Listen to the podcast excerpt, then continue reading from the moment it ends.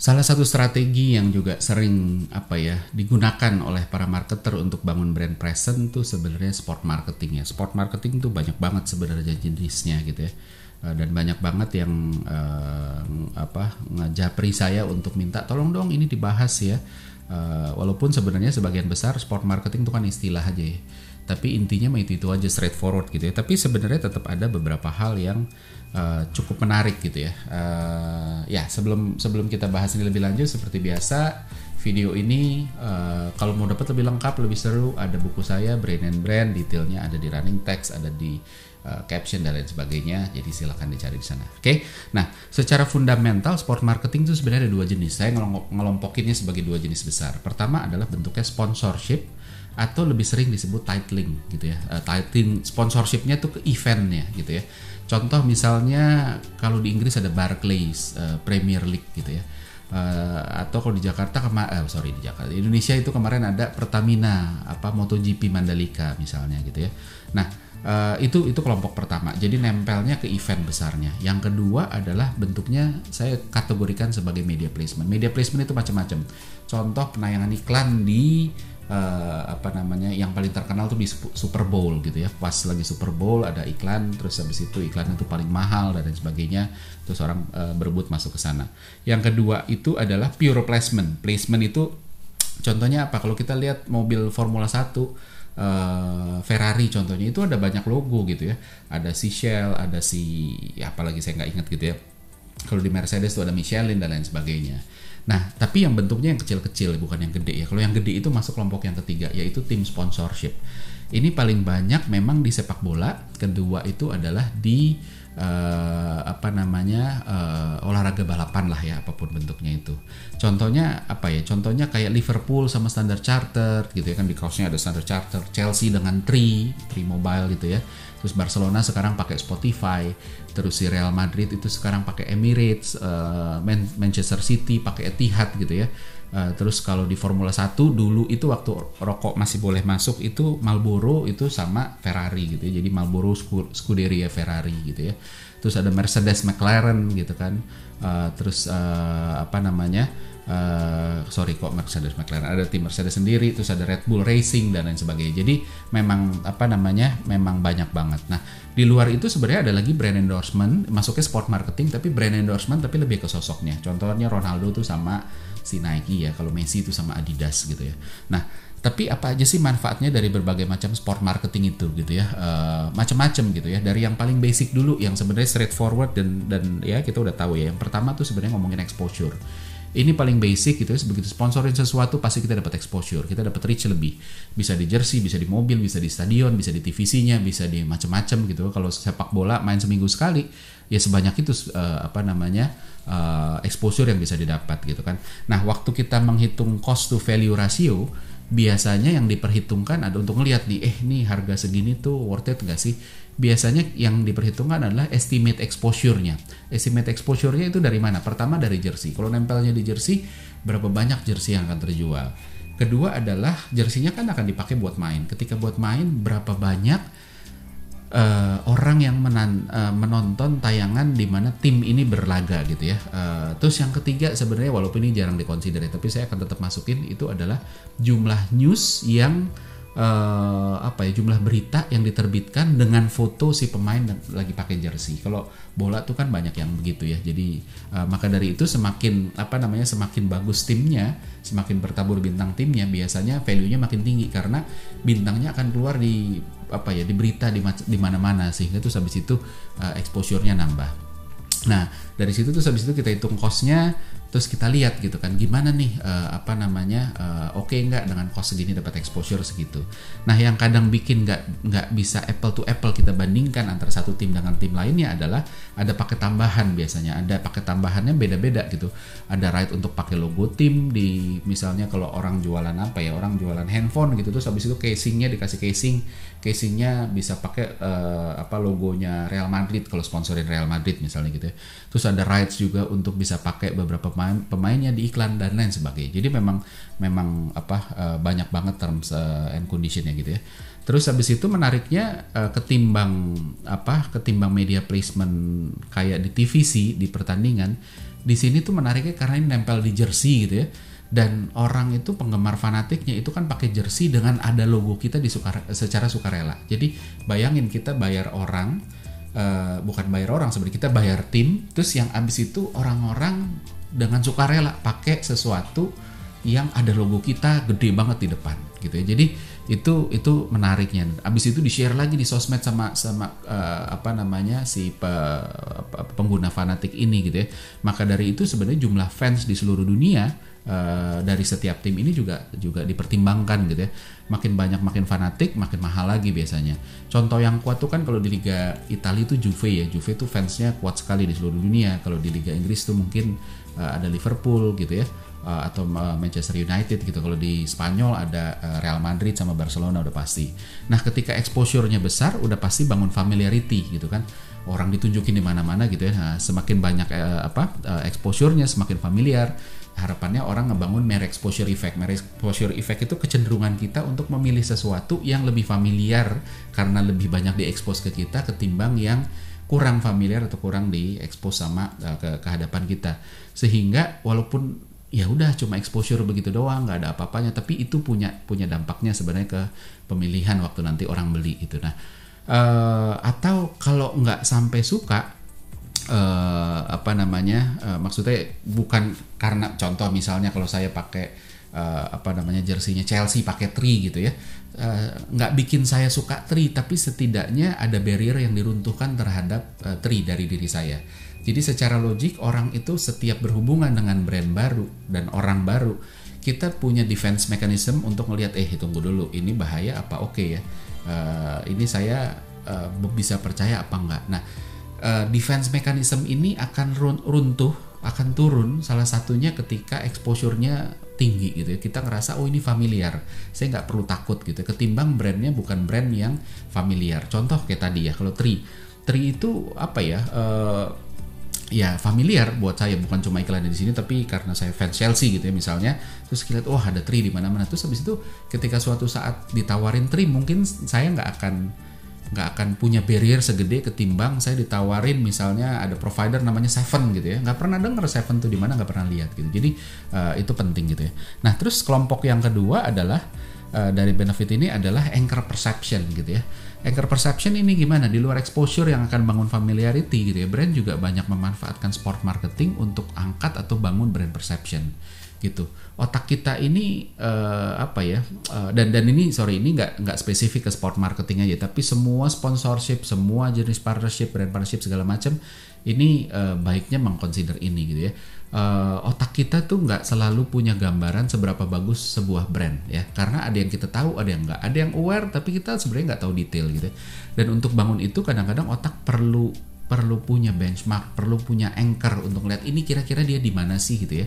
Uh, seberapa bagus dia sih. Nah brand yang disponsorin uh, ini bisa jadi anchornya. Contoh kalau tadi Tri ini ngesponsorin Chelsea uh, Chelsea klub kelas apa gitu loh. Kalau Chelsea klub apa ya yang begitu-gitu aja ya udah saya nggak akan dapat uh, anchor perception. Saya hanya akan dapat uh, apa namanya ya udah awareness saja gitu ya. Jadi ketika di apa ya didudukan bareng gitu karena sponsorin itu dianggap sekelas gitu. Dengan dengan catatan ada dengan catatan. Gapnya nggak terlalu gede. Kalau gap realitinya gede orang biasanya malah akan ada disonans kayak aduh kok kayaknya nggak pas ya? Dan risikonya buat yang disponsorin gitu ya.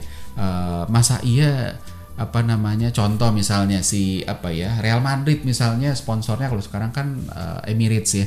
Misalnya diganti jadi yang sponsornya itu kue cubit Bang Jamal gitu ya.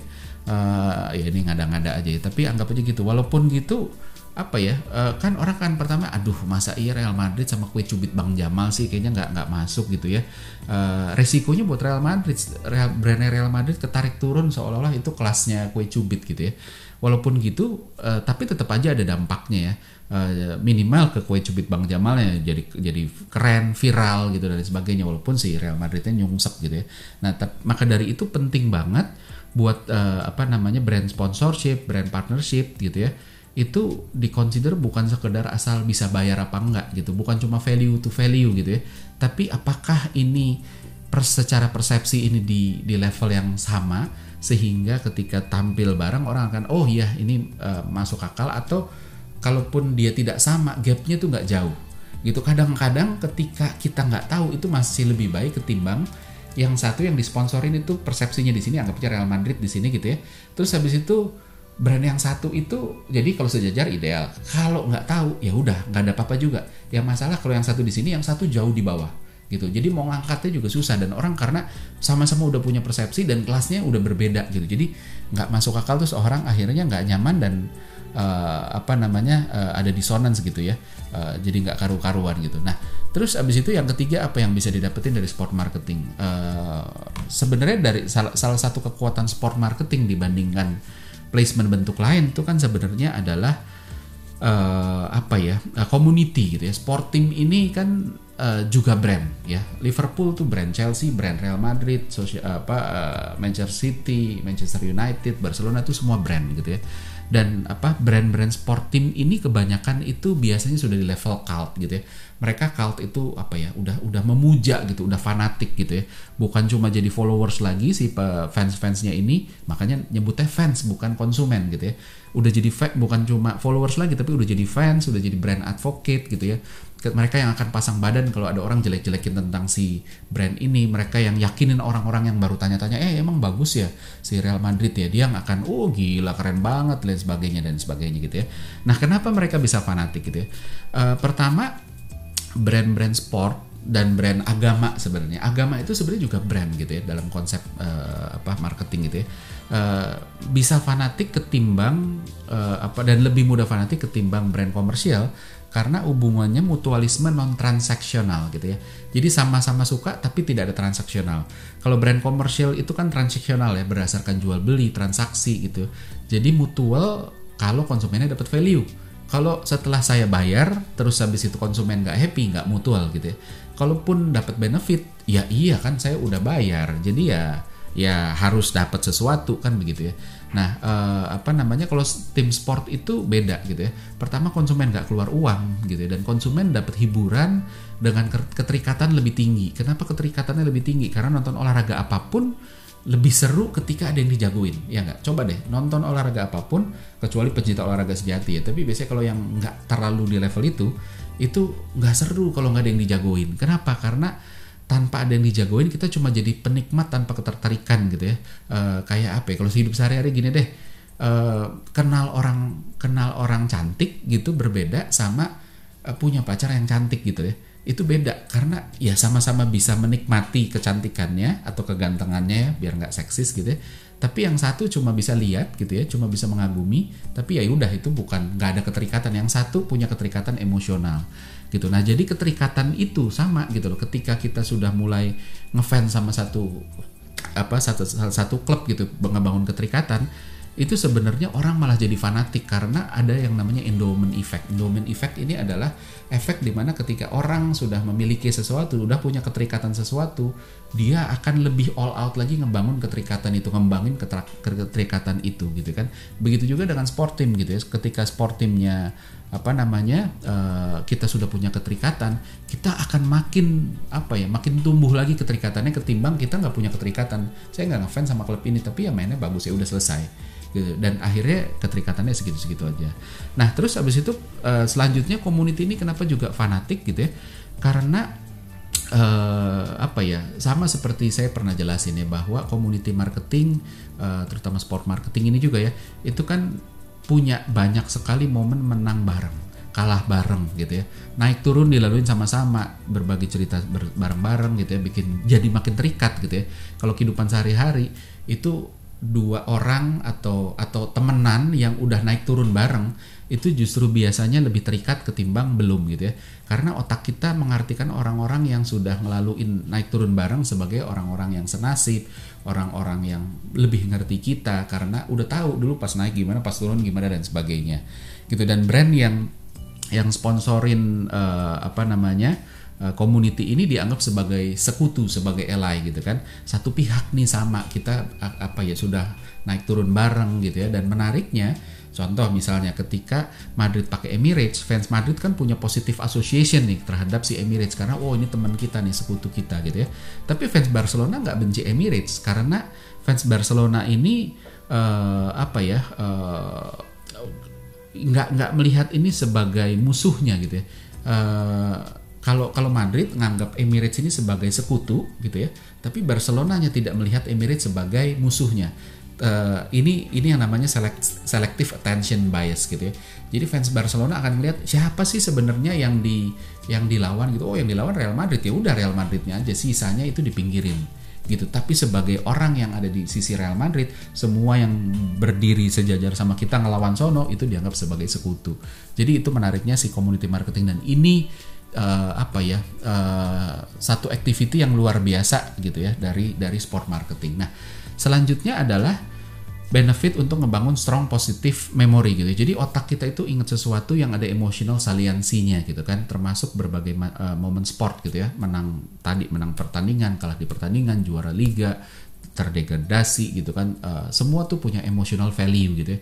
Dari kita jingkrak-jingkrak kegirangan sampai gebrak-gebrak meja karena kebobolan gara-gara wasitnya nggak lihat gitu ya. Uh, dan menariknya otak ini nggak pilih kasih yang diingat itu bukan cuma pemeran utamanya tapi juga pemeran pembantu sampai figuran pun diingat gitu ya jadi pemeran utamanya itu kan si sport timnya gitu ya. Pemeran pembantu sampai figuran itu macam-macam gitu kan. Nah, stadionnya gitu terus habis itu pemainnya wasitnya terus habis itu brand yang sponsorin gitu. Jadi sport marketing ini bantu kedekatan atas dasar positif memori di mana brand kita jadi bagian di sana gitu ya. Karena otak akan apa ya otak akan ngerasa bahwa oh brand itu ada di sana secara bawah sadar ya. Dan itu akan diasosiasikan positif seperti kesukaan kita terhadap tim itu tadi gitu ya. Nah, yang harus diperhatikan apa kalau begitu? Dengan berbagai macam pertimbangan tadi. Yang pertama segmennya udah sesuai banget. Ini paling dasar gitu ya. Milih billboard aja kita cari tahu segmen orang yang lewat di apa uh, di sana target market sesuai dengan target market kita apa enggak. Apalagi ini gitu bentuknya lebih nempel. Jadi harus harus clear emang sejalan. Jadi pertanyaannya apakah fans dari brand uh, apa uh, brand yang mau kita sponsorin ini sesuai dengan brand kita gitu ya. Kalau enggak ya kayak mau jualan di Jakarta gitu ya, tapi pasang billboardnya di Bogor gitu kan. Ya ada sih orang Bogor yang ke Jakarta gitu, ya, tapi berapa banyak sih gitu ya. Nah, terus yang kedua adalah brand perception gapnya tadi kita udah singgung gitu ya.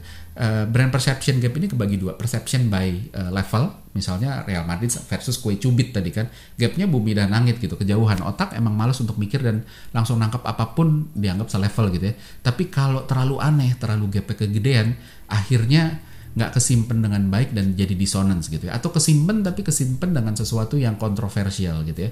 Uh, dan nggak bangun ke, uh, bisa bisa jadi impactnya jadi buruk buat si Madridnya gitu ya. Terus kedua adalah uh, uh, brand perception gapnya by image dan association gitu ya. Uh, soal value nggak banyak yang peduli ini sih ya. Tapi uh, apa namanya uh, suka nggak suka sebenarnya sport juga udah komersial gitu ya. Jadi intinya adalah apa value yang dipercaya oleh sport timnya ini sejalan dengan value si brand gitu ya. Contoh dulu UNICEF itu pernah pakai Barcelona sebagai sponsornya Barcelona gitu ya. UNICEF itu kan uh, apa ya lembaga kemanusiaan lah gitu ya lembaga sosial. Jadi di assess banget hati-hati apakah Barcelona ini cocok untuk dijadikan atau diasosiasikan dengan UNICEF yang punya misi-misi sosial dengan lain sebagainya. Kalau enggak maka nggak uh, akan dipilih gitu. Jadi dua ini perlu dipertimbangkan baik-baik supaya sport marketing juga punya dampak yang positif sekali.